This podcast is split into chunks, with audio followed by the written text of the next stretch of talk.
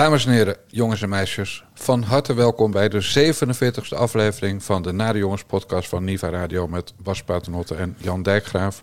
En we nemen hem nu eens een keer niet op op maandag of op dinsdag, maar gewoon op woensdag, ja, einde van de middag, bijna begin van de avond. En we hebben vandaag een combi-special, die noemen we een The Voice of Den Haag Special. Vond je hem leuk? Ja, ik vind dat wel grappig. Heel leuk bedacht, Jan. Graag gedaan, Bas. Hè? We gaan beginnen met gisteren. Ik spreek u aan als voorzitter. U bent scheidsrechter en u bent geen procesbegeleider in deze Kamer. Dus op het moment dat u vindt dat iets kan, kan het. Kunnen we wat van vinden, dan kan het. Als u vindt dat het niet kan, dan kan het niet. Ja. Maar als een scheidsrechter bij het voetbalspel constant zegt: foei, foei, u mag niet op de enkels trappen, maar niet ingrijpt met gele en rode kaarten, gebeurt er niets. Dat is wat u aan het doen bent. We hoorden Pieter Omzicht, die uh, gisteren, dus op de eerste dag van uh, uh, het debat over de regeringsverklaring die we, en over het coalitieakkoord. En Omzicht vatte eigenlijk samen het gevoel van iedereen bij de Kamervoorzitter, Bos. Ja, echt. Vera Bergkamp is, is misschien wel na Anoushka van Miltenburg, weet je nog, die mevrouw ja, van de VVD. Uh, een van de slechtste Kamervoorzitters die we ooit hebben gehad. En je zag het gisteren ook al heel snel misgaan. En het is echt helemaal haar eigen schuld. Uh, uh, Geert Wilders, die blaast zich natuurlijk helemaal op. Die maakt zich, die maakt zich heel groot. Ja, en daar, en daar schrikt ze een beetje van. En Kamerleden worden boos. En dan gaat ze dus een interventie plegen.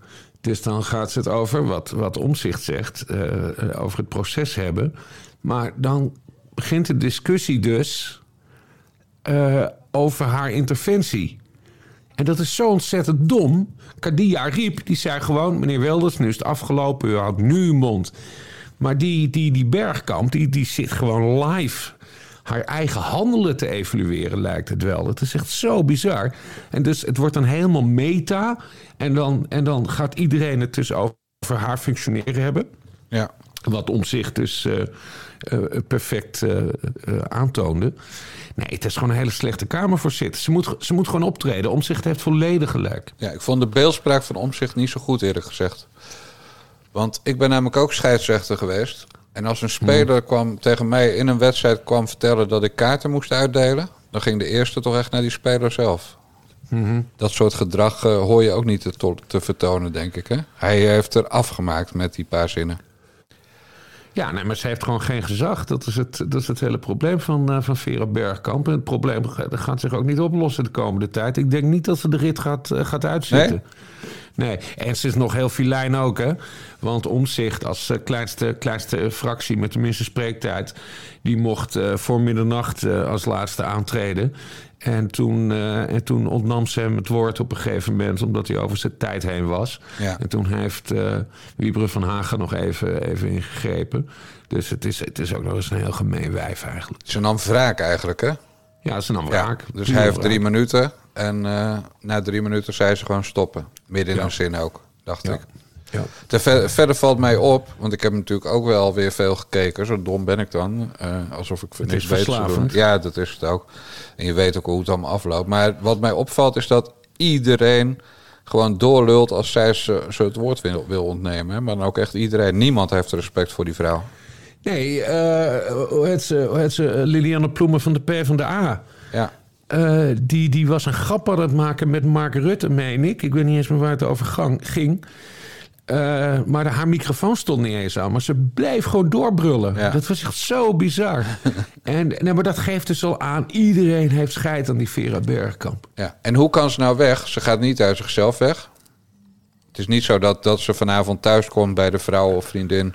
En dat, uh, dat die zegt, uh, en Vera, hoe voor jezelf dat het ging? Nou, kut, ik, uh, ik ga weer lekker gewoon in de kamer zitten. Ja. Hoe werkt dat? Hoe ging het bij Van Miltenburg, weet je dat nog? Ja, ja, dat weet ik nog. Uh, van Miltenburg, die is uh, zelf opgestapt. Uh, omdat los van dat zij ook een faalhaas was. een bepaalde documenten had, had oh, laten vernietigen. Ja, dat, dat was het. Hè, dat was dus echt een smoking gun en dan, dan moet je gewoon weg. En dat ze een hele slechte voorzitter was, dat, dat kwam er dan bij. ja, die Vera Bergkamp. Kijk, het is, het is nu de, de gehele natie, want de kranten stonden er ook vol over. Uh, wel duidelijk dat dit niet de allerbeste uh, uh, Kamervoorzitter is die, we, die we hebben. nou ja, als ze zo'n fout maakt als Miltenburg, van Miltenburg, dan is ze sowieso weg. Nou, ik weet niet of dat gaat gebeuren. Maar dit is echt zo, zoiets van. misschien moet ik gewoon maar de eer aan mijzelf, aan mijzelf houden. Maar als ze dat niet doet, dan gebeurt er niks. Nou ja, uiteindelijk dan. Hè, het lijkt mij het beste als de eigen partij zegt. Misschien moeten we hier maar mee, eh, mee stoppen. Uh, maar je hebt natuurlijk ook het presidium waar al die, al die fracties in zitten en al die ondervoorzitters. Nou, die vergaderingen die zijn geheim. Maar ik neem aan dat daar ook wel eens over, over wordt gesproken, over haar functioneren. Ze heeft ook, dat, dat las ik, ik weet niet meer waar, dat was, las ik eind vorig jaar ze heeft ook een coach of een psycholoog of zo inmiddels... die, haar, een beetje, die haar een beetje moet coachen. Uh, het feit dat dat bekend wordt is wel erg genoeg. Het beste is, kijk, zij beschadigt hier niet alleen zichzelf mee... maar ook het aanzien van de Tweede Kamer. En het is dan aan haar om te zeggen... jongens, uh, ik heb mij misschien hier een beetje op verkeken...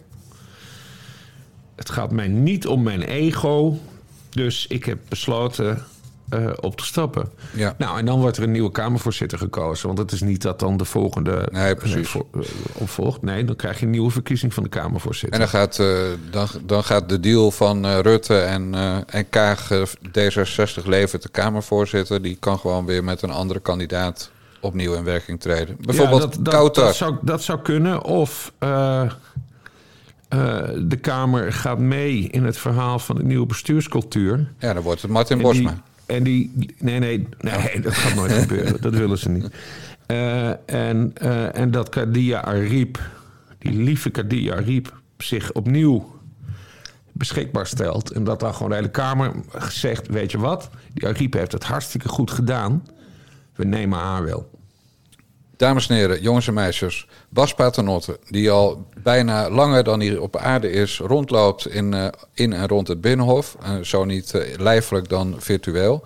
Die heeft zojuist het doodvonnis uitgesproken over Virus Alida Shauki. Ja, haar echte naam ook nog eens. Exact. Ja, nou, ik vind het erg voor haar persoonlijk.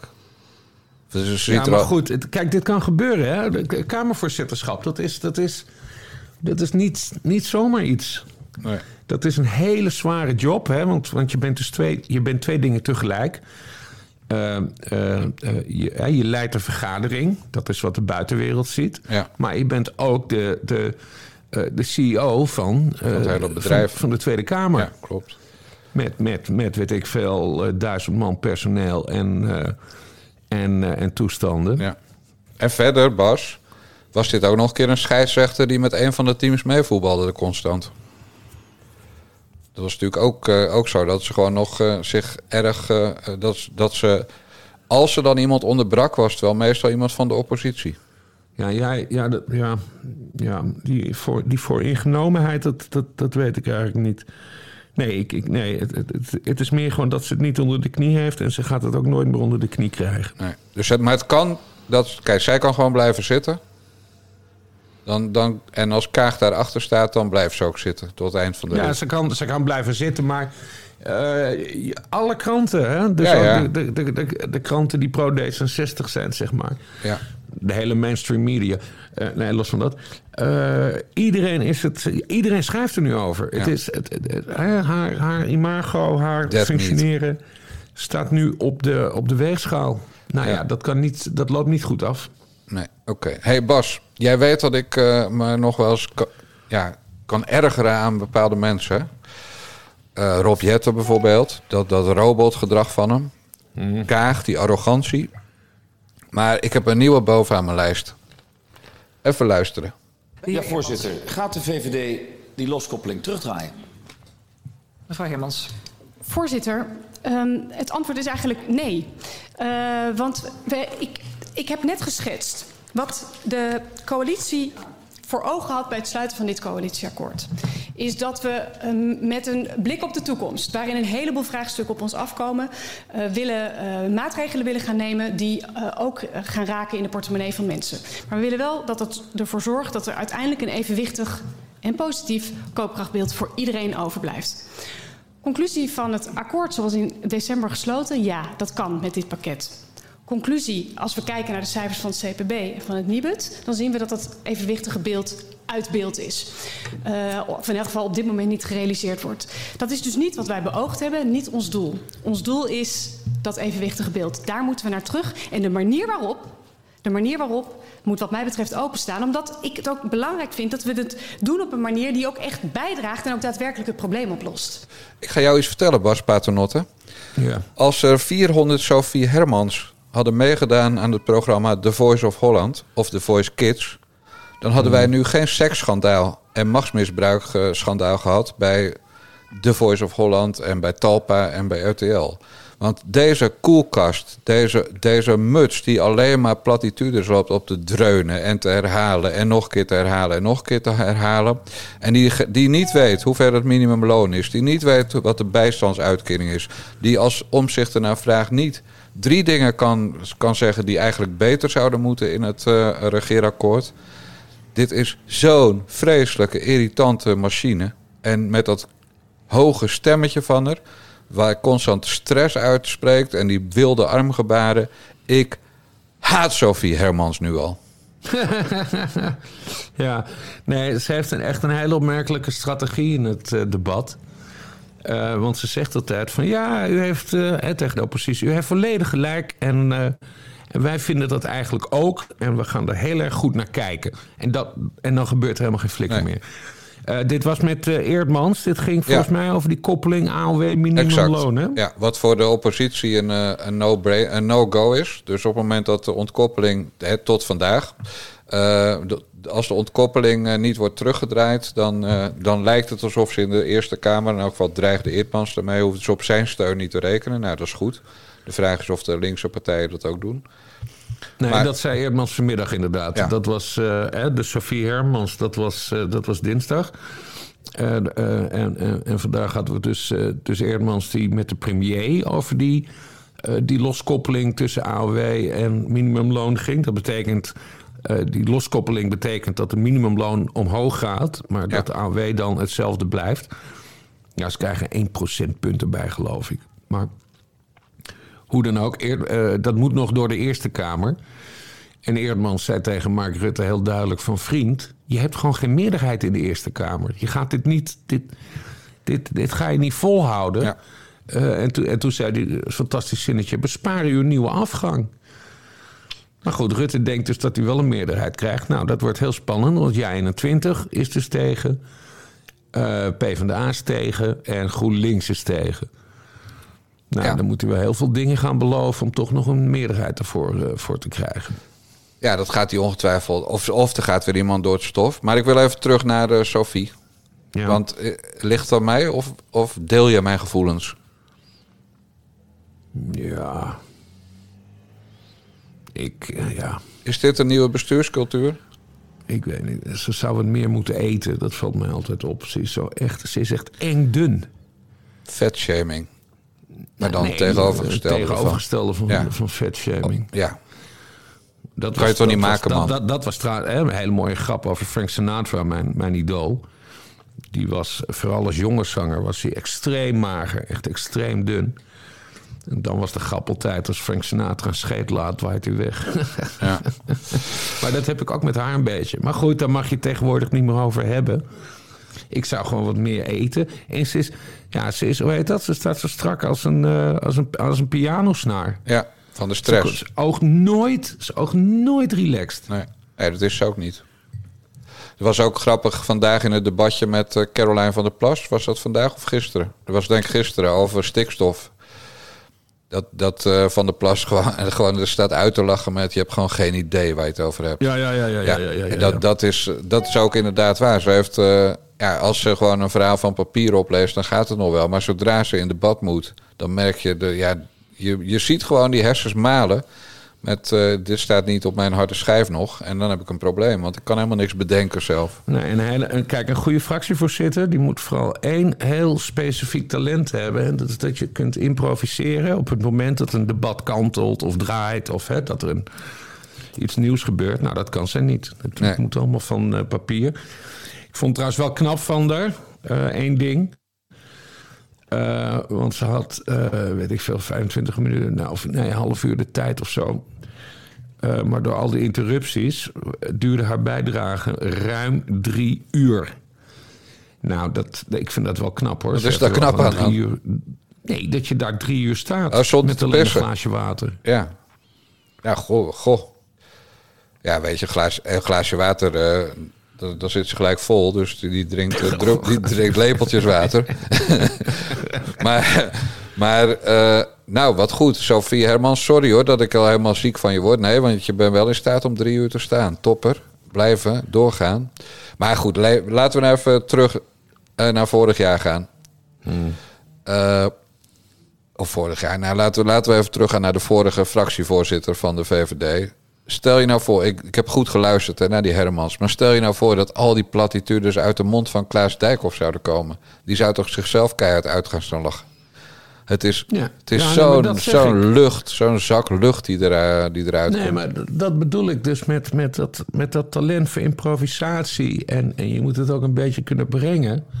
Ja, Klaas Dijkhoff, die, dat, dat ging hem echt extreem makkelijk af. Ja humor. Eh, hij, heeft toen een keer. Uh, luchtig. Eh, humor luchtig. Hij heeft toen een keer Baudet op een hele mooie manier afgezeken. Van, ik weet niet meer, is met een hockeyveld. Een politiek is geen hockeyveld of weet ik veel. En, en, en gewoon scherp zijn en kunnen anticiperen. En dus improviseren. Nou, dat kan ze allemaal niet. Nee. Het enige wat, ik, wat, wat, wat, ja, wat wel fijn is voor jou, zeg maar. Mhm. Is dat, ja, nu zie je pas dat Jan Paternotte wel een talent is. Ja, maar dat wisten we al. Want dat nee, maar Nederland gezien tijdens de coronadebat. Ja, maar dit is wat anders of je over corona praat of als uh, fractievoorzitter. Ja. En dat doet hij gewoon goed. En hij debatteert goed en hij zuigt goed uh, uh, op waar dat nodig is. En hij tekent waarschijnlijk goed bij het kruisje met alles. Maar ik bedoel, dit waren de twee debutanten van grotere partijen. Ja, dan is het klassenverschil wel heel groot. Om even in, in de termen van van, van Pieter Omzicht te spreken, ja, dan, dan was uh, Jan Paternotte toch wel een scheidsrechter die inmiddels in, uh, uh, in de Europa League wedstrijdjes mag fluiten. Ja. En Sophie Hermans, ja, meisjesvoetbal en dan de laagste helft. Ja, vergis, vergis je die Paternotte, die, die, die heeft ook veel meer ervaring dan, dan Hermans. Ja, Hermans is echt voortgekomen uit, uit de macht, hè, als, als, ja. als assistent van Rutte en zo vroeger. En ja, ik heb haar cv niet helemaal voor me nu, maar, ze heeft natuurlijk meer de dingen. Belangrijkste op haar cv is dochter van. En, en dochter van uh, natuurlijk. Van die crimineel. Uh, maar Paternotte die heeft het vak geleerd uh, in de loopgraven van, van Amsterdam. wist als lijsttrekker de Partij van de Arbeid na 70 jaar uit het stadsbestuur te dwingen. nou, daarna naar de Tweede Kamer. Daar hoorden we een tijdje minder van hem. En toen kwam hij dus omhoog uh, als corona-woordvoerder. Ja. Uh, dat neefje van mij, die heeft een enorme bakervaring. Uh, en ja, mevrouw Hermans... Ik, ja, wat de VVD zich zo kunnen afvragen... waarom willen wij haar eigenlijk als fractievoorzitter? Ja, lijkt mij best gebrek... wel een goede woordvoerder op een of ander onderwerp ja, zorg of zo. Maar het is geen fractievoorzitter. Nee, nou, ze is ongetwijfeld in de onderhandeling ook goed geweest. Want zij is dan degene die alles heeft ingeleverd bij, de, bij D66. Want zij heeft natuurlijk wel uh, de onderhandelingen namens de VVD gedaan, voornamelijk. Nou ja, maar dat is, kijk, en dan hebben we het dus ook over nieuwe eh, bestuurscultuur. Wat ik net zei, haar achtergrond komt dus vanuit de macht. Ja. Hè? Dus niet vanuit, vanuit het Kamerlidmaatschap. Nee, ze heeft altijd uh, bij de macht over de schouder kunnen kijken. Ja, bij de hoogste macht in dit geval zo. Ja, nee, nee maar Rutte en alles. Ja.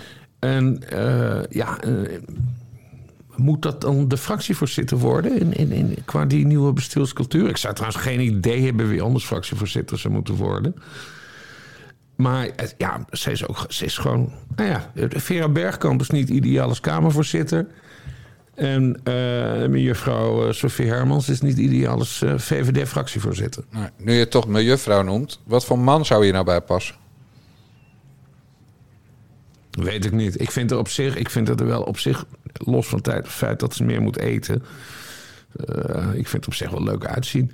Het, het, doet me een beetje denken aan die, uh, die jaren twintig, hoe vrouwen er toen uitzagen. Dat, in de, in de, ja, na de depressie. Ja, nee, maar van die lange, slanke verschijningen. Ik, uh, nee, ik vind, dat, dat vind ik helemaal niet, niet zo erg. Maar ze heeft, geen, ze heeft geen vriend of man, geloof ik. Nee, maar, maar zou, zou jij een van je eigen vrienden daar dan willen opofferen? Heb jij, zit er warmte in die vrouw? Of kan je, ga je dan weer zeggen, ja, in geen van die wijven in de Tweede Kamer? Het is toch een seksisme special, hè? Moet, moet toch op een aangifte uit gaan draaien. Ik ken, haar, ik ken haar daar niet goed, goed genoeg voor. Ze was, ze was klasgenoot van mijn broertje, wist je dat? Nee. Ja. Haar vader Hermans, uh, die was een tijdje commissaris van de Koning of zo in, uh, in Friesland. Koningin nog toen, ja. ja. En mijn broertje die trok wel met haar op, maar daar, uh, daar heb ik het nooit echt over gehad verder. Hebben we hier een scoop te pakken over het fietshok en Paternotte en Hermans? Nee, nee, nee. Mijn broertje is keurig, uh, keurig getrouwd. Ja, maar toen nog niet. Nee, maar inmiddels wel. Dus uh, nee, daar zit geen, uh, geen scoop in. Klein wereldje, hè, Dijkgraaf? Bas, ik weet zeker dat jij niet aan je broer hebt gevraagd, je broertje of die ooit met Sofie Hermans in het fietshok van de school. Ik ga het hier verder niet meer over hebben. Ik vond het leuk om dit te melden. Al die paternotters gooien elke keer hun familie in de strijd. En als je dan reageert, dan zeggen ze van... Uh, ja, nee, we willen wil het niet meer over hebben. Oh, dit, dit, dit, is trouwens een heel mooi bruggetje. En ik wil het je niet onthouden. Want we gaan het zo meteen hebben over Sumaya Sala. Ja. En um, uh, uh, neef Jan die werd uh, geïnterviewd door Tom Staal van Geen Stijl gisteren na het debat. Ja. Over die Somaya-kwestie. en want Paternot is daarbij betrokken omdat haar zuster in zijn fractie weer zit. Ja. En, en Paternotte zei van ja. Ik, ik vind het niet netjes, dat zei dus tegen Tom Stalen van Gestel. Ik vind het niet netjes dat, ehm, uh, dat, dat mensen van een familie worden aangesproken op, uh, op een familie. uh, dat zou, alsof, alsof jij mij aanspreekt, zeg ik tegen Tom Staal, over wat Bas heeft gezegd. Ja. ik gelijk een appje sturen een paternotte. Vriend, je hebt mij net vergeleken met, ja. een, met een Hofstadgroep terrorist. Een terrorist van de Hofstadgroep. en daar moest hij op zich ook wel om, ja. om lachen. Dat, maar goed dat is een bruggetje, Jan Dijkgraaf. Nee, terwijl jij veel te lui bent om überhaupt een, uh, een machinegeweer uit een achterbak van een auto te halen. Ja, zo. Ja, je zit liever op je kamer in pyjama en met je pantoffels. Oké, ja, ja we, gaan het, uh, we gaan toch nog even zo meteen terugkomen op Rutte. Maar we gaan uh, inderdaad eerst naar uh, Soumaya Sala. Die werd doodgezwegen toen uh, uh, ik en later wij in de Nare Jongens podcast het er uitgebreid over hadden. Gedocumenteerd verhaal over waarom de Nederlandse pers niet geen aandacht aan die kwestie besteedde. maar ja, Wilders beloofde toen hij een debat aanvroeg toen, en dat niet kreeg, beloofde hij, nou daar ga ik het tijdens het debat over de regeringsverklaring over hebben. Ja, exact. Nou, dat is gebeurd. Voorzitter, weet je wanneer je een grens overgaat? Als je een lid van de Hofstadgroep als adviseur van je partij opneemt. Wat de VVD heeft gedaan. Soumaya Sala. Veroordeeld terrorist. Ik ga er zo uitgebreid over spreken. Als je die in je partij opneemt. Iemand die de rechtsstaat omver wilde gooien. Iemand die gearresteerd is met een mitrailleur en een revolver bij zich. Die veroordeeld is voor het hebben van een mitrailleur, een automatisch pistool en een revolver bij zich. Die gearresteerd is op straat met Noordin LF. Die op weg was naar Ayaan Hirsi Ali en ondergetekende om ons van kant te maken. Om die adviseur te maken van de minister-president en van de VVD. Dat is een grensovergang. Ja, voor jij gaat uh, beschouwen op deze kwestie. Uh, wat natuurlijk heel erg opviel, waren wat mij betreft twee dingen. De hamvraag van Wilders was eigenlijk: waarom zet de VVD deze mevrouw in een commissie? Die hamvraag is door niemand beantwoord. Uh, En wat mij opviel was dat hij geen enkele steun kreeg van bijvoorbeeld Eertmans, die ook op die dodenlijst van de Hofstadgroep stond. Uh, toen hij vanochtend uh, door Wilders werd gekapitteld. dan denk je toch van, ja, Eertmans of BBB of Van Haga, maakt me niet uit wie. Maar Wilders was anders iets te snel door zijn interrupties heen. Daar had iemand hem toch even te hulp kunnen schieten. Want die hamvraag is natuurlijk waar het om gaat. Het gaat er niet om dat ze misschien wel in het Kamergebouw rondloopt. Want dat weten we niet. Waar het om gaat is waarom heeft de grootste partij van Nederland een Hofstadgroep terrorist in een commissie Justitie en Veiligheid? Dat is de hamvraag. En die is dus geen begin van een antwoord gekomen. Nee, en uh, dat komt ook omdat uh, Mark Rutte dat vanmorgen redelijk slim speelde. En het tegelijk een fout is van Geert Wilders. Uh, Mark Rutte heeft heel slim die tweet over Dylan Jezeglos, minister van Justitie en Veiligheid, weten te koppelen aan deze kwestie van Soumaya Sala. En nou ja, dat is een hele bekende techniek. Daarmee ga je het debat verdunnen. Ja. En uh, ja, en dan, en dan komt het van beide kanten er niet helemaal erg goed, uh, goed uit. Het punt van Geert Wilders blijft natuurlijk overeind staan. en helaas heeft ook niemand doorgevraagd. Want dat is de enige vraag die relevant is. waarom is er een, een veroordeeld Hofstad-terrorist actief binnen de VVD? Ja, precies. Ze staat ook gewoon nog op die site. Uh, Sophie Hermans, waar we het net over hadden, die zei gisteren tijdens het debat ook met zoveel woorden: ze is gewoon nog actief voor onze partij. Uh, waarom heb je een fucking ex-Hofstad-terrorist in je, in, je, in je gelederen zitten? Die nooit spijt heeft betuigd. Dat verzwaart nooit spijt heeft betuigd. Ja. En, ja. en, anders is het alleen maar dom, maar nu is het gewoon, ja, het is, het is duivels bijna. Dat je dat doet, dat Wilders het niet weet. Wilders heeft ook gezegd inmiddels dat zijn beveiligers het ook niet wisten. Uh, dus ja, dat, dat gaat best wel ver allemaal. En dan, dan is het verweer van Rutte, ja, we gaan het niet over veiligheidskwesties hebben. Maar daar gaat het helemaal niet nee, om. Maar dat, het gaat om principe. Geen terroristen. Nee, maar Geert Wilders wil het ook net over veiligheidskwesties hebben. En dat, dat, dat is allemaal volledig terecht. Tuurlijk. Maar, het, het, maar, ja, maar de kern is gewoon... Er zit iemand van de Hofstadgroep bij de VVD. Ja, nou, dan heb, je nog, dan heb je nog wat side-dingetjes. Nieuwsuur, die noemt haar in een tweet terrorist tussen de apostrofs. Hè? Je weet nog toen Baudet een keer aanhalingstekens gebruikte over de holocaust... Toen snapte iedereen precies wat er bedoeld werd met aanhalingstekens, namelijk bagatelliseren. Nou, dat deed Nieuwsuur dus met terrorist. Uh, toen ze gisteren een, eh, een scoopje dachten te hebben dat Martin Bosma het, uh, met mevrouw ging eten in het uh, Tweede Kamerrestaurant. Mm. wat trouwens zwak was van Bosma, dat hij, vond ik, dat hij überhaupt gezellig ging borrelen met die tante op boekpresentaties. Maar goed, misschien wist hij het ook allemaal niet. Maakt me niet zoveel uit. het, het is levensgevaarlijk, nog altijd. En iedereen vindt het maar prima. En wat nou als inderdaad het een keer fout gaat met Wilders? Krijgen we dan weer die, die krokodillentranen die we met Fortuin gezien hebben? Ik nou vind het echt misdadig hoor, dit. Ik, ik, achter, ik achter kans uh, uitgesloten dat Sumaya Sala een aanslag op Geert Wilders gaat plegen in het gebouw van de Tweede Kamer. Uh, uh, ze staat nu natuurlijk in het vizier van de inlichtingendiensten. Ja. Uh, uitgesloten dat uh, Sumaya Sala ooit in de buurt van Geert Wilders komt. Dat, die wordt gewoon in de gaten gehouden, dat is overduidelijk. Dat hebben wij goed gedaan, Bas. Ja, we hebben, nou ja, goed. Ja. Uh, het, het, is, het is wel waar. Ja, waar, waar de VVD haar compleet aan het witwassen was. En waar Bolkestein in een interview in Elsevier's Weekblad nog tegen de beroemde journaliste Elif Isitman, die in het boekenclubje van Sumaya Sala zit uh, zei van... Uh, ik heb tegen Soumala gezegd dat ze nog niet moet afzien van een kamerzetel hoor. Oftewel, wil, uh, Bolkestein wil haar graag in de Tweede Kamer hebben voor de VVD. Nou, ik denk dat wij dat nu wel doorkruist hebben. Door, door, door onze Nare Jongens podcast en ook door Wilders goed te informeren over de stand van zaken. Maar het tweede ding wat ik nog als sidestep wilde noemen was Arend Jan Boekenstein. Die naam zeg je nog wel iets. De man die ooit, ja, die moest ooit aftreden omdat hij uit de school klapte na een bezoek aan koningin Beatrix. Ja. Uh, maar Boekenstein meldde op Twitter ook. Nee, toen iemand zei ze heeft nooit spijt betuigd. Nou, dat denk ik, uh, denk ik wel.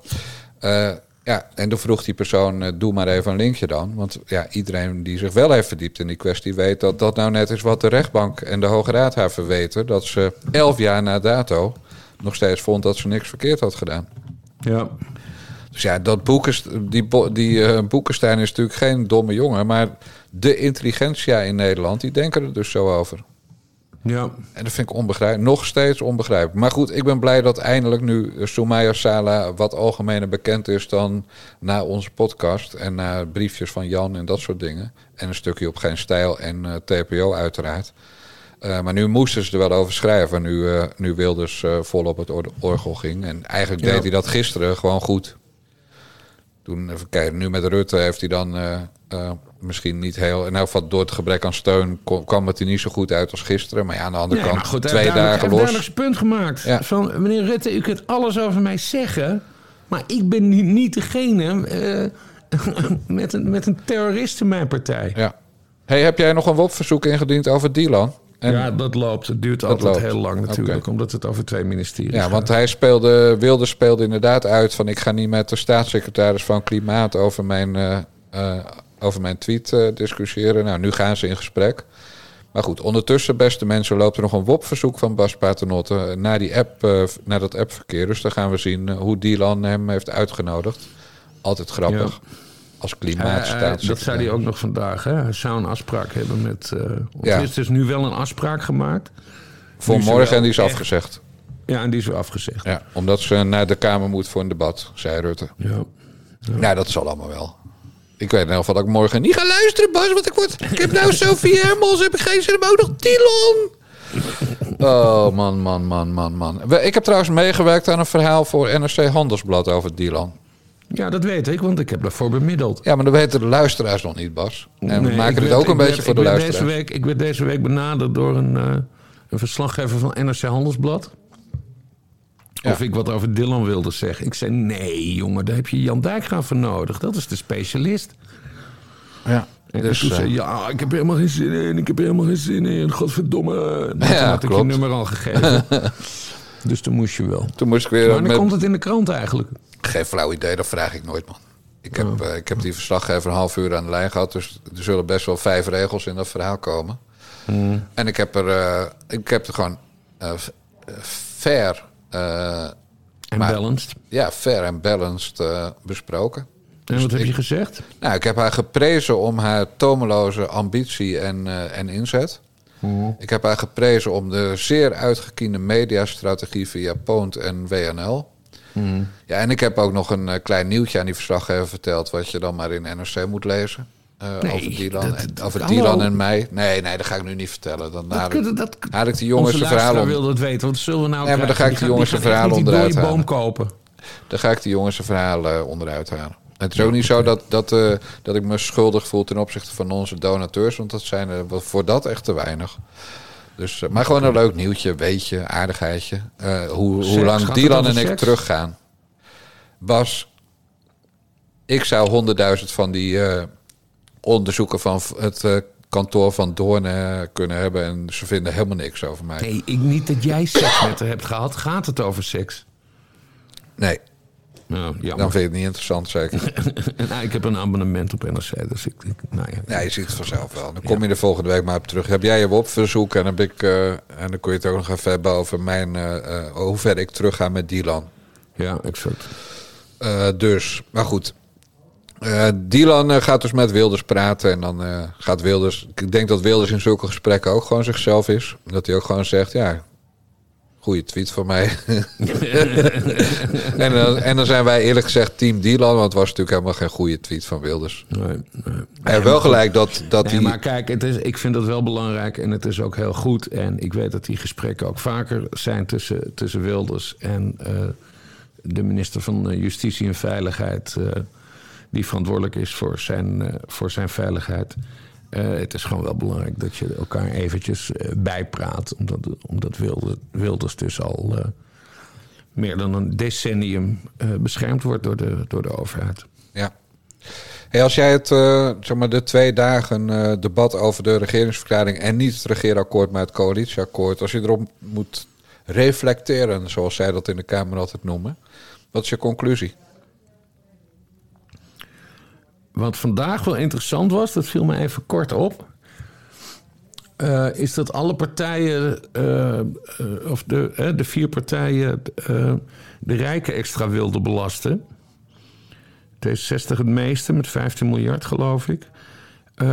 maar dat, er, dat, dat is helemaal niet uitgekomen, bleek vandaag tijdens het debat. Ja, ja. De, de, de rijken worden niet extra belast. Nee. En dat is wel opmerkelijk, omdat al die vier partijen dat wilden. En de oudjes zijn de lul. En de oudjes zijn. Ja, maar dat is dus dat probleem van die, van die AOW, uh, los, uh, loskoppeling. Wat natuurlijk, uh, wat natuurlijk schandalig is. Ja, wij nemen dit op voor de tweede termijn, waarin ongetwijfeld een motie over die AOW wordt ingediend en over jeugdzorg. Ja. Ja. Hoe lopen die af? Gewoon 77 tegen? Weet ik niet. Nee, maar dat is. Uh, uh, kijk, de, als, als kabinet moet je altijd een, heel klein, uh, een paar kruimels naar de Tweede Kamer gooien. Dus ja. er zal ongetwijfeld wel iets, iets aan gerepareerd worden op een bepaalde manier. Maar nee, dat zijn nooit echt hele grote dingen tijdens dit soort debatten. Dus dat betekent dat zeg maar, de harde woorden van iedereen over de AOW... dat gaat niet vandaag leiden tot... Nou, sowieso zijn de stemming over moties niet vandaag, neem ik aan. Nee. Uh, maar dit gaat niet, uh, naar aanleiding van moties, nu leiden tot... oké, okay, we gaan houden die ontkoppeling, die laten we zitten. Ik kan, me, ik kan me niet voorstellen dat ze daar nu opeens mee stoppen. Nee, ik denk nee. het ook niet. En de vraag is alleen dan welke lafbekkerclub in de Eerste Kamer dit kabinet gaat steunen. Ja. Want voor nou ja, die... Dat is dus het mooie dat Eertmans daar erg uh, geharnast ja. in zit. Gelukkig. En want die, voor die AOW-ontkoppeling is een wetswijziging nodig. Hè? Het is een wet uit 1980 waarin de koppeling uh, werd ingevoerd. En om, uh, je kan niet zomaar met een pennenstreek dat veranderen. Er moet echt een wetswijziging komen. Mm. Dus dan moet hij ook langs de Eerste Kamer. En, maar de, wat ik nooit zo goed begrijp, Bas, als je nou hier tegen bent, ga je dan in de Eerste Kamer straks tegen alle stemmen of, of gaat het allemaal per onderdeel? Nou ja, die discussie hebben we eerder gevoerd. Dat ben ik dan vergeten. En nou ja, van uh, jij, jij staat op het standpunt van ja, 21 moet gewoon tegen alles zijn, zodat, uh, zodat het kabinet zo snel mogelijk weg is. En ik bekijk het uh, op een meer realistische manier. Uh, Zo'n Eerdmans die kan heel veel dingen binnenhalen uh, uh, door dit soort druk te zetten. Ja. Nou, weet je genoeg ook over die Eerste Kamer? We zien het allemaal wel hoor. Doei.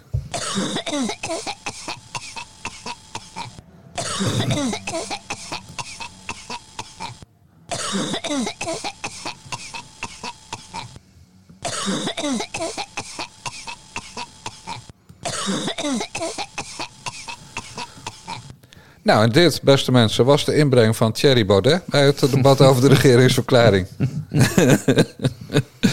Want die ging hoestend naar huis. Ja, dat was heel bizar, hè? En hij, uh, hij nou, dat was de eerste keer dat hij een beetje transparant was. Want hij twitterde dat dus van uh, ik, uh, ik ga naar huis. Maar in overleg met Vera Bergkamp, de ja. Kamervoorzitter. Dus of iemand heeft hem erop aangesproken dat hij aan het proesten was.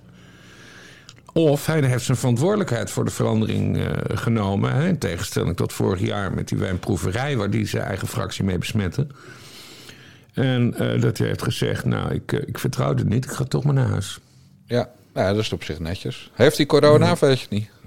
Hij laat zich natuurlijk niet testen op zulke dingen. Hij laat zich niet testen, naar, naar eigen zeggen. En, uh, en, uh, en ja, die, die, die eerste keer dus vorig jaar, naar die wijnproeverij... Uh, toen zei hij van ja, kan, kan corona zijn geweest, weet ik niet. En, uh, maar wat wel bizar is natuurlijk, hij heeft een fractie van vijf personen. Ja, niemand nam het over. En niemand nam het over, terwijl in ieder geval Fred Jansen gisteren wel in de Kamer aanwezig was. Want die, die, die deed mee aan de regeling van werkzaamheden. Uh, ik neem aan dat hij zijn tekst had, uh, had uitgeschreven. Dus dan had hij dat ook door iemand anders kunnen laten voordragen. Maar nee, komt erop neer. Het belangrijkste debat uh, ever bij een nieuw kabinet is het debat over de regeringsverklaring. En Vorm voor Democratie heeft daar een, geen inbreng bij ja. gehad. Nou, dat staat genoteerd. Waarvan akte, meneer Baudet? Vijf nutteloze zetels. Ja, absoluut. Oké. Okay. Nou, dan gaan we nu naar...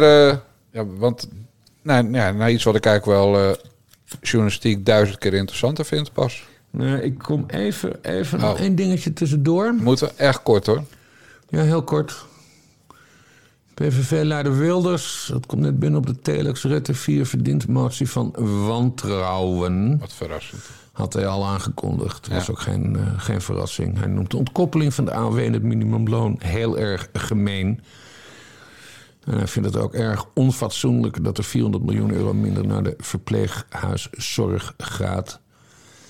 Ehm, miljoenen Nederlanders snakken naar een betaalbare boodschappentas. Dat gaat natuurlijk over dat we steeds minder geld gaan krijgen, wat het Nibud had berekend. Ja, waanzinnige berekeningen. Met 40 euro gemiddeld per maand. Ja. Terwijl de waarheid is dat de meeste mensen nu gewoon 200 of meer euro extra per maand aan energie kwijt zijn. Ja, en, en dan meldt NOS nog, dat is altijd grappig. Als de motie van wantrouwen wordt aangenomen door een meerderheid van de Tweede Kamer, moet het kabinet opstappen. Nou, dat gaat natuurlijk niet gebeuren. Nee, nee dat is duidelijk. Gert-Jan Segers gaat niet opeens al die meloenen teruglopen spugen. Nee, die zijn al lang uitgepoept. Exact. Nou, gezelligheid, entertainment en bij gebrek aan voetbal. Maar eerst um, wil ik wat zeggen. Ik moet en ik wil natuurlijk beginnen met de berichtgeving omtrent The Voice. De driedubbele blik waarmee ik naar de situatie kijk, als mens, als programmamaker en als familielid, die maakt dat ik op dit moment van alles zou willen doen. Maar daar is het nog te vroeg voor, want nog niet alle feiten die zijn duidelijk. En ik ben op dit moment, en misschien wel helemaal niet, objectief genoeg. Ik word overspoeld door tegenstrijdige gevoelens die ik tegelijkertijd ervaar.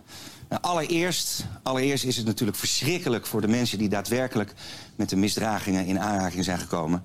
En dat zij in deze positie zitten, dat had nooit mogen gebeuren. En tegelijkertijd vind ik het ook vreselijk voor de mensen in de omgeving van de andere kant. Want die pijn en dat verdriet en die schaamte die zijn momenteel voor mij van heel dichtbij voelbaar.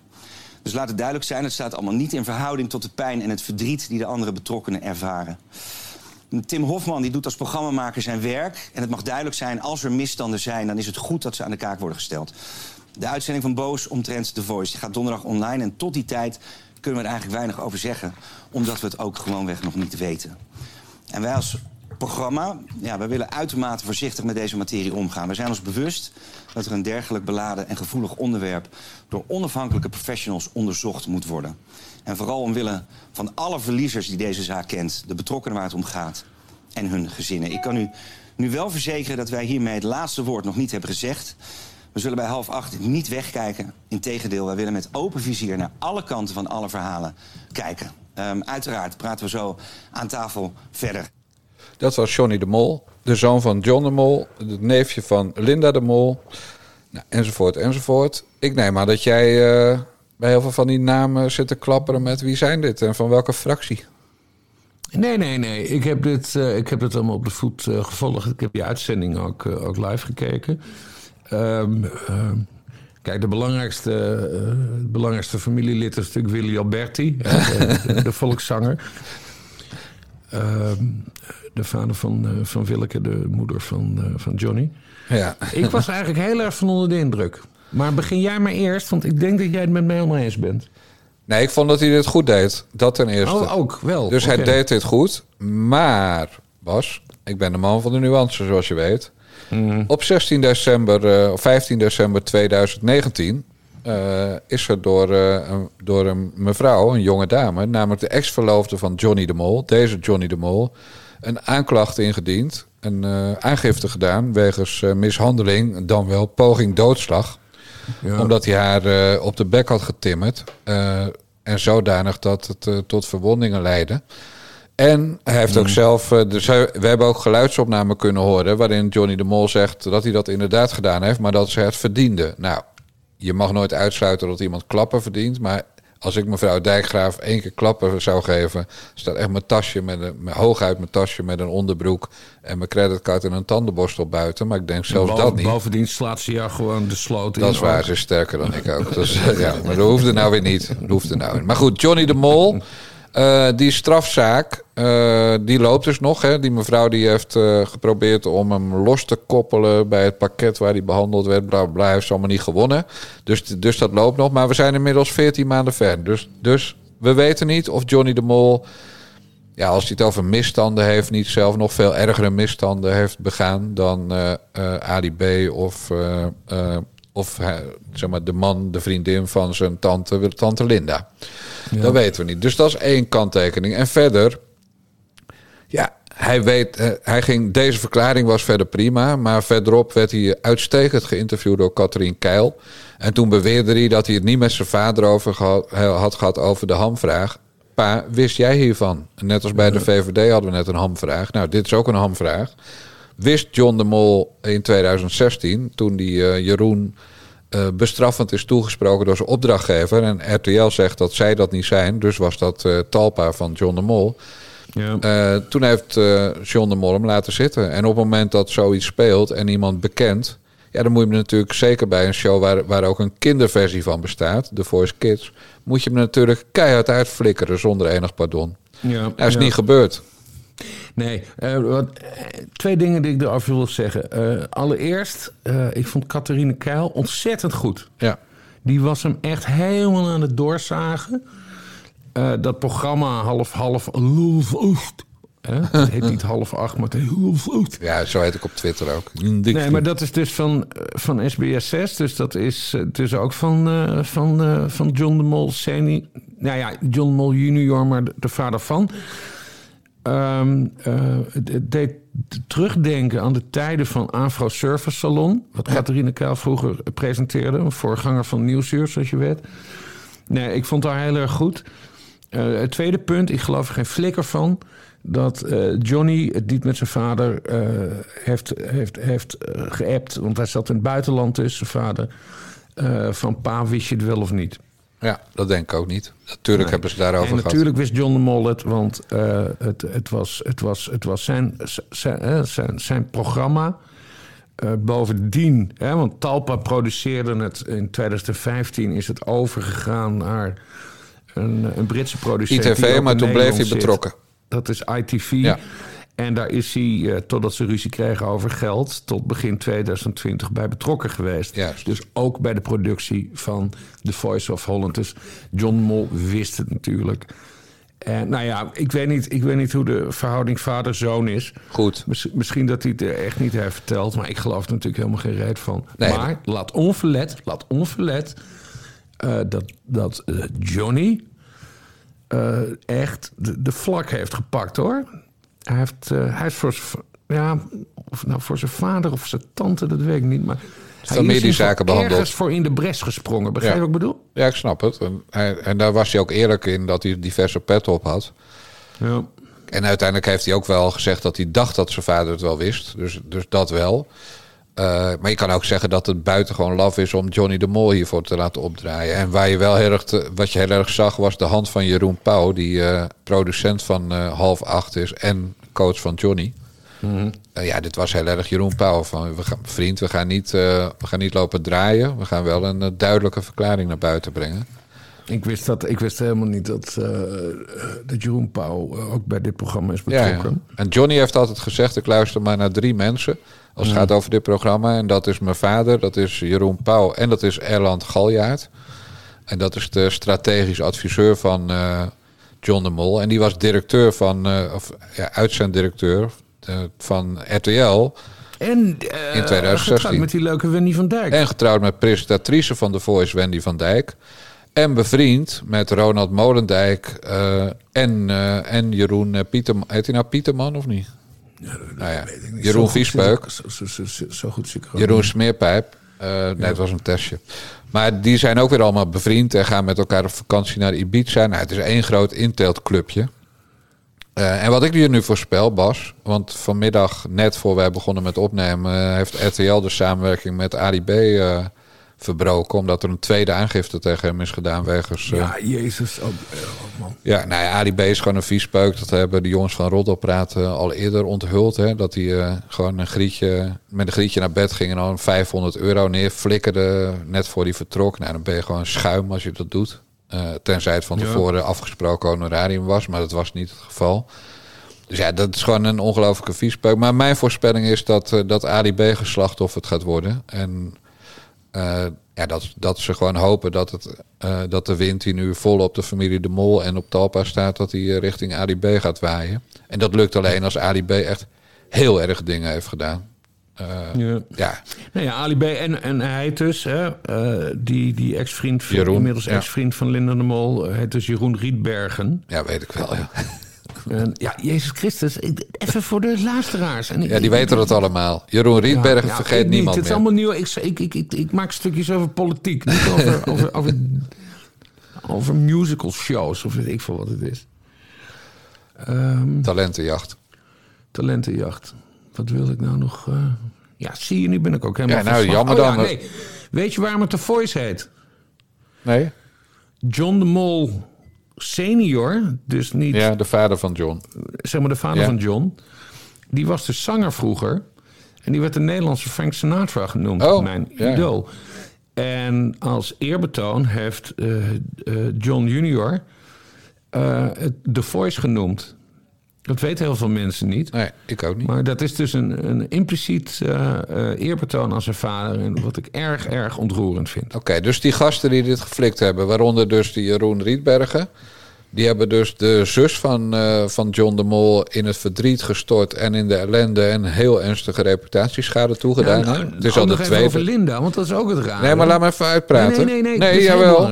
Ja, want dit, is, dit is heel belangrijk. Ja, maar, is heel belangrijk. Ja, maar schrijf maar op een briefje dan. Want wat, wat jij nu onthult over John senior daar, daarvan is belangrijk dat, dat het qua familiegevoel dus nog een stapje belangrijker is voor John de Mol dit, dat hele programma, mhm. dan we al dachten allemaal. Wij, niet Bas Paternotters.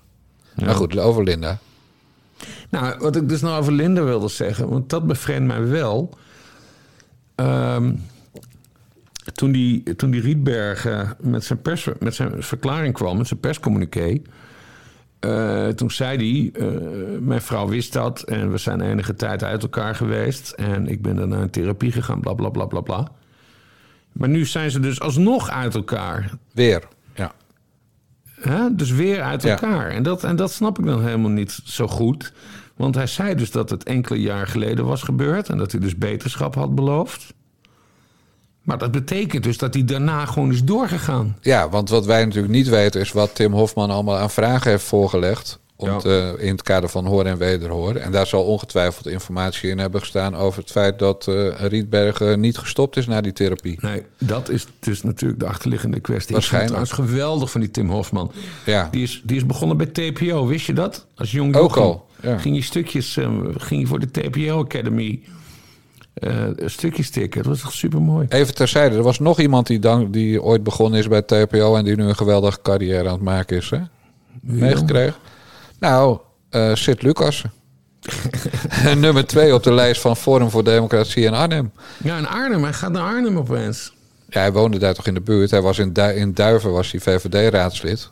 Ja. Ik geloof acht jaar of zo. Ik weet helemaal niet waar Duiven ligt. En bij Arnhem. Ikea bij Arnhem het, is in Duiven gevestigd. Daarom weet ik het toevallig. Maar uh, ook erg, hè?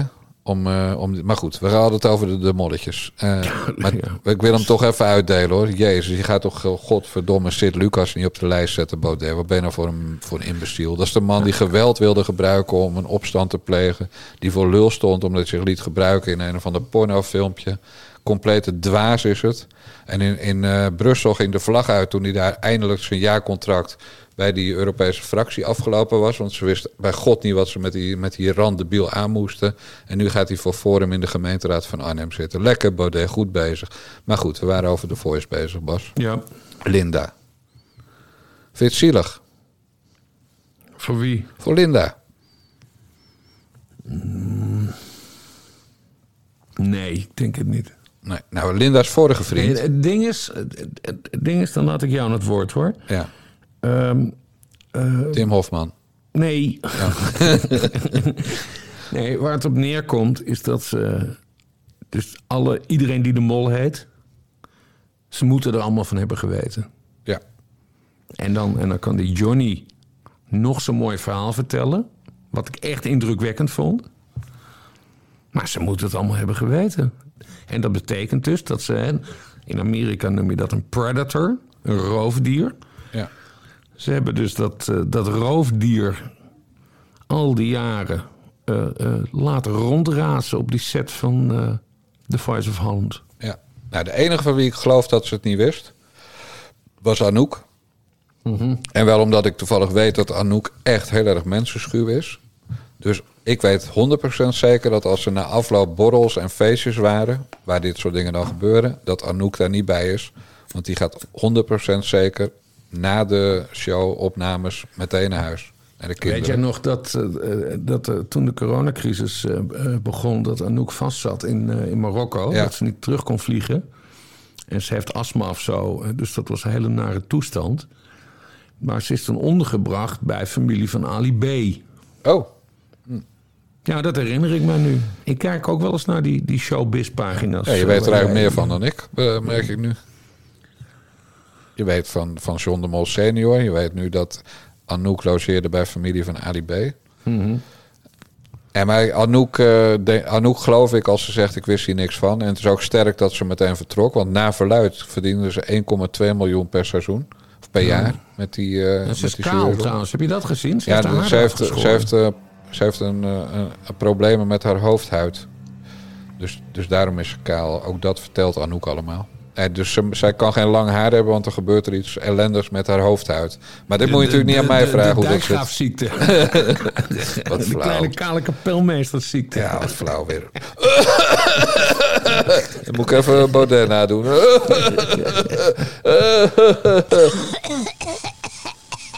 nou, dat dus.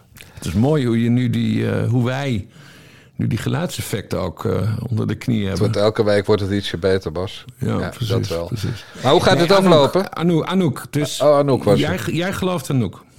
Ik geloof Anouk. Nou goed, wat interessant is aan Linda. Linda die was nu met uh, Jeroen Pieterman, uh, die jij Rietbergen noemt. Hmm.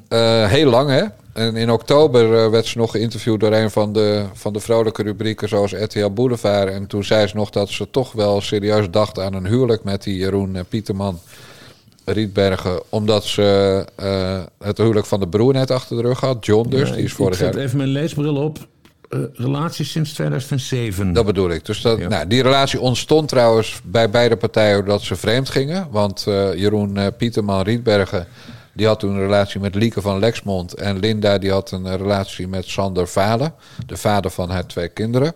Nou, die Sander Valen is ook grappig. Die is uh, uh, ook betrokken bij The Voice of, uh, of Holland. Als regisseur.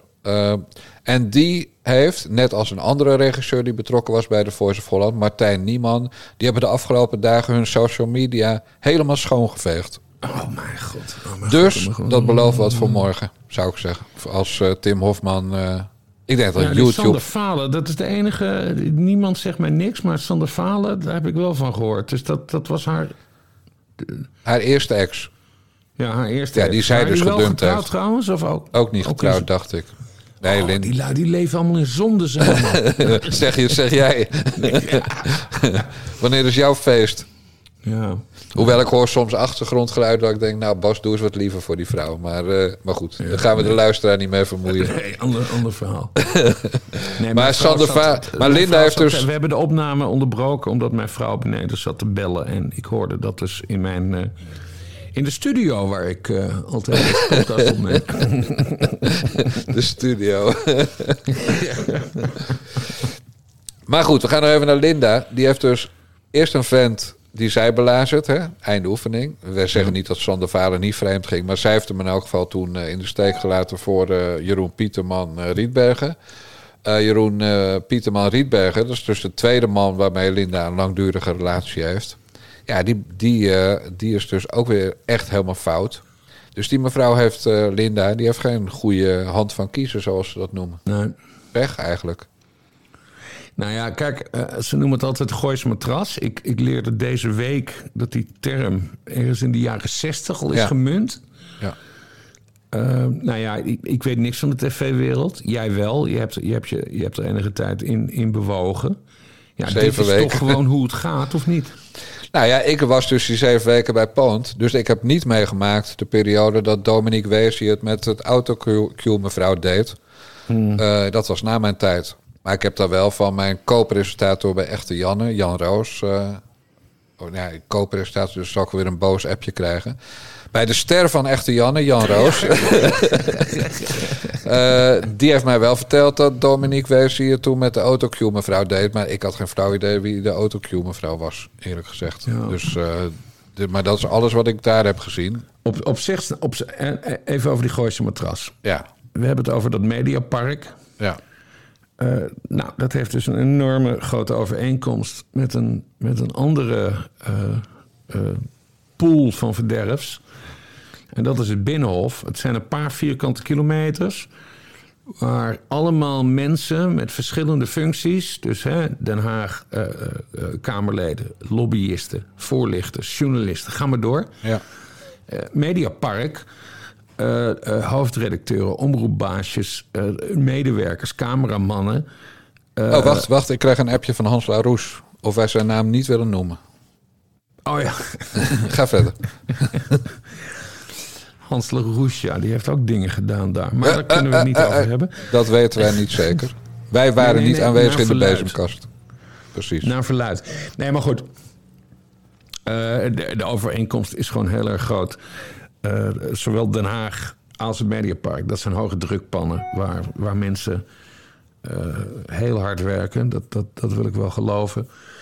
Uh, elkaar continu tegenkomen en dan gebeuren die dingen. Alleen, het, het, grote verschil is dus wel dat we in, in, het geval van The Voice of Holland het hebben over, ja, wat ik net zei, predators. Die met name jonge, kwetsbare. Nou, ik weet niet of iedereen kwetsbaar is daar, maar, maar jonge, kwetsbare vrouwen en wellicht ook mannen hebben proberen nou ja, onheus hebben bejegend. Ja. Nou, het punt is alleen, het echte verschil is dat het bij de Voice of Holland om kandidaten gaat.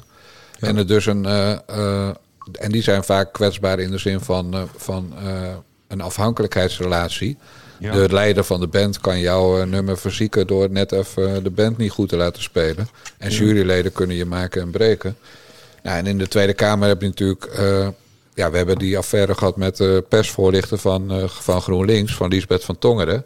Die van een stagiaire eiste dat, ze, dat er seks uh, ging komen. Ja. Uh, en die uh, ontslagen werd pas toen het openbaar werd. Want ja, dat is trouwens wel vergelijkbaar. Daar heb je ja, wel gelijk. Dat, is, dat is wel hetzelfde. Ja. ik denk dat het echte verschil is dat dat, uh, dat het Binnenhof er vooralsnog in slaagt om dit allemaal onder de pet te houden. Dat alle journalisten daar allemaal wegkijken. Dat ze dat privé kwesties vinden. Behalve, zeggen ze dan altijd schijnheilig, als het bij de SGP zou zijn, want die vinden dat ja. het niet kan.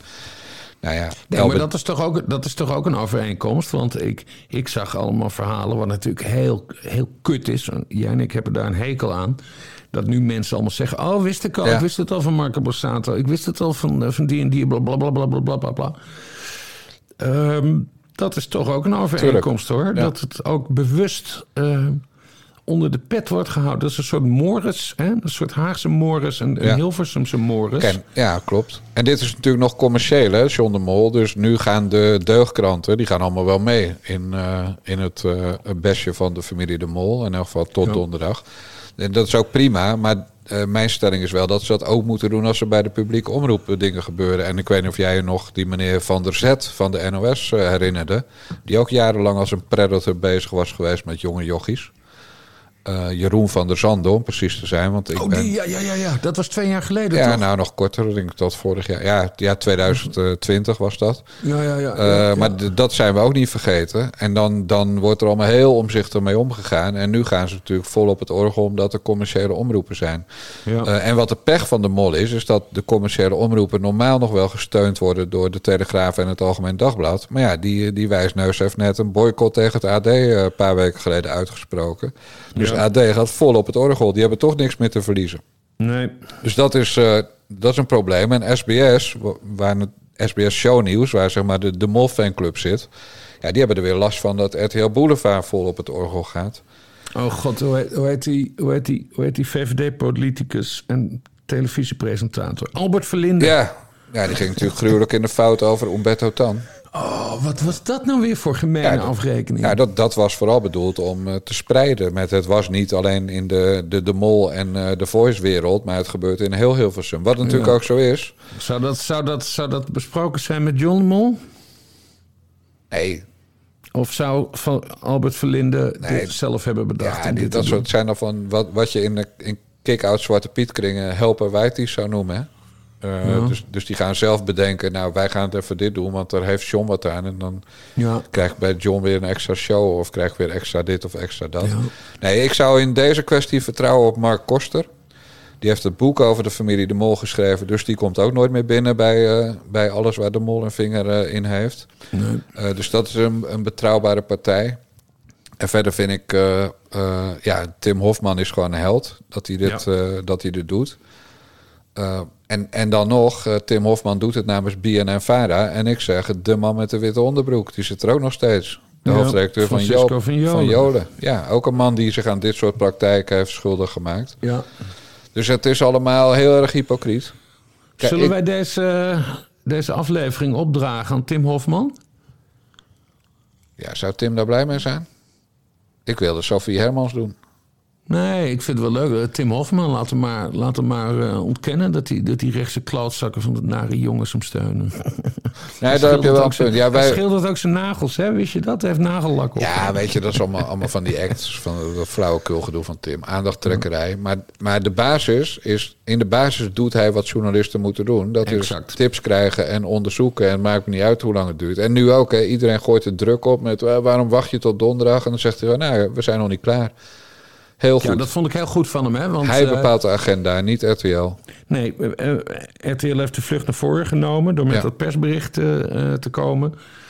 En, en vervolgens begonnen heel veel mediatypes ook, ook die ik erg graag mag. Bijvoorbeeld mijn, mijn, mijn, mijn vriend Lambert de Bruin van een vandaag. hè, met wie ik een servies set van mensen ja, ja, ja, ja, ja, ja, Die, die, nee, maar die, die zei dus ook van... nou, kom, kom Tim... Gooi nou maar even, hè, want het is online, hè, het is een YouTube-ding. Gooi maar even online. En Tim heeft gezegd van, nou, jongens, eh, ik ben gewoon nog bezig met horen wederhoor. Dit is een, dit is een planning. Ik ga nu niet even iets uh, online gooien, omdat jullie het zo graag willen. Vind ik heel goed van Tim Hofman. Ja, ook omdat als er maar één heel klein foutje in zit, dan gaat het vrijdag alleen maar over dat ene foutje van Tim Hofman. En niet over de rode draad. En dat is, dat is het machtsmisbruik in Hilversum. En dan met name in, uh, in de Voicehoek. En vergeet niet, vergeet niet dat John de Mol, uh, los van dat hij een heel invloedrijk man is in, in Hilversum. En, en sowieso over de hele wereld, maar dit gaat specifiek over Hilversum. Die heeft ook een enorme oorlogskast. Die kan gewoon het hele bier en vara helemaal kapot procederen. Dus ik snap het heel goed dat, eh, dat uh, Tim Hofman uh, goed beslaagd ten ijs wil komen. Ja. Donderdag. En dat is morgen. Ja, daar heb ik echt heel veel zin in. Om daarna ja, Meer dan in dat hele kutdebat in de Tweede Kamer over die regeringsverklaring. Ja, nee, morgen, dat is, dus morgen is dat niet. Morgen hebben we gewoon weer een, uh, een coronadebat. Waar ik, waar ik ook geen zin in heb. Maar goed. Ja, laat zitten man, het coronadebat. Ja. Kuipers, hè? Ook die, ja, oh, nog, toch nog even hoor. Die Kuipers van, uh, nee, we, over 2G kan ik nog niks zeggen, want ik wacht onderzoek af van de TU Delft. En dan zegt de TU Delft, nou 2G heeft geen enkele zin of heeft nauwelijks zin. En wat zegt Kuipers? Ja, toch gaan we het misschien doen. Flikker toch op man. Het is gewoon Hugo de Jonge 2. Gaan we het volgende week over hebben, Dijkgraaf. Heel goed, Bas. Dan gaan we nu even melden waar de mensen hun geld kwijt kunnen. Want dit was alweer de 47e aflevering van de Naar de Jongens podcast van Niva Radio. Onze website is nivaradio.nl. Doneren en doe dat vooral, want anders hebben we nog maar vier afleveringen te gaan. Kan bij Naar de Jongens podcast op tpo.nl, via onze favoriet nadejongens.backme.org of via bunk.me slash nivaradio. Nou, en over vijf weken dan uh, horen jullie het wel of het doorgaan. Mazzel! Bye bye!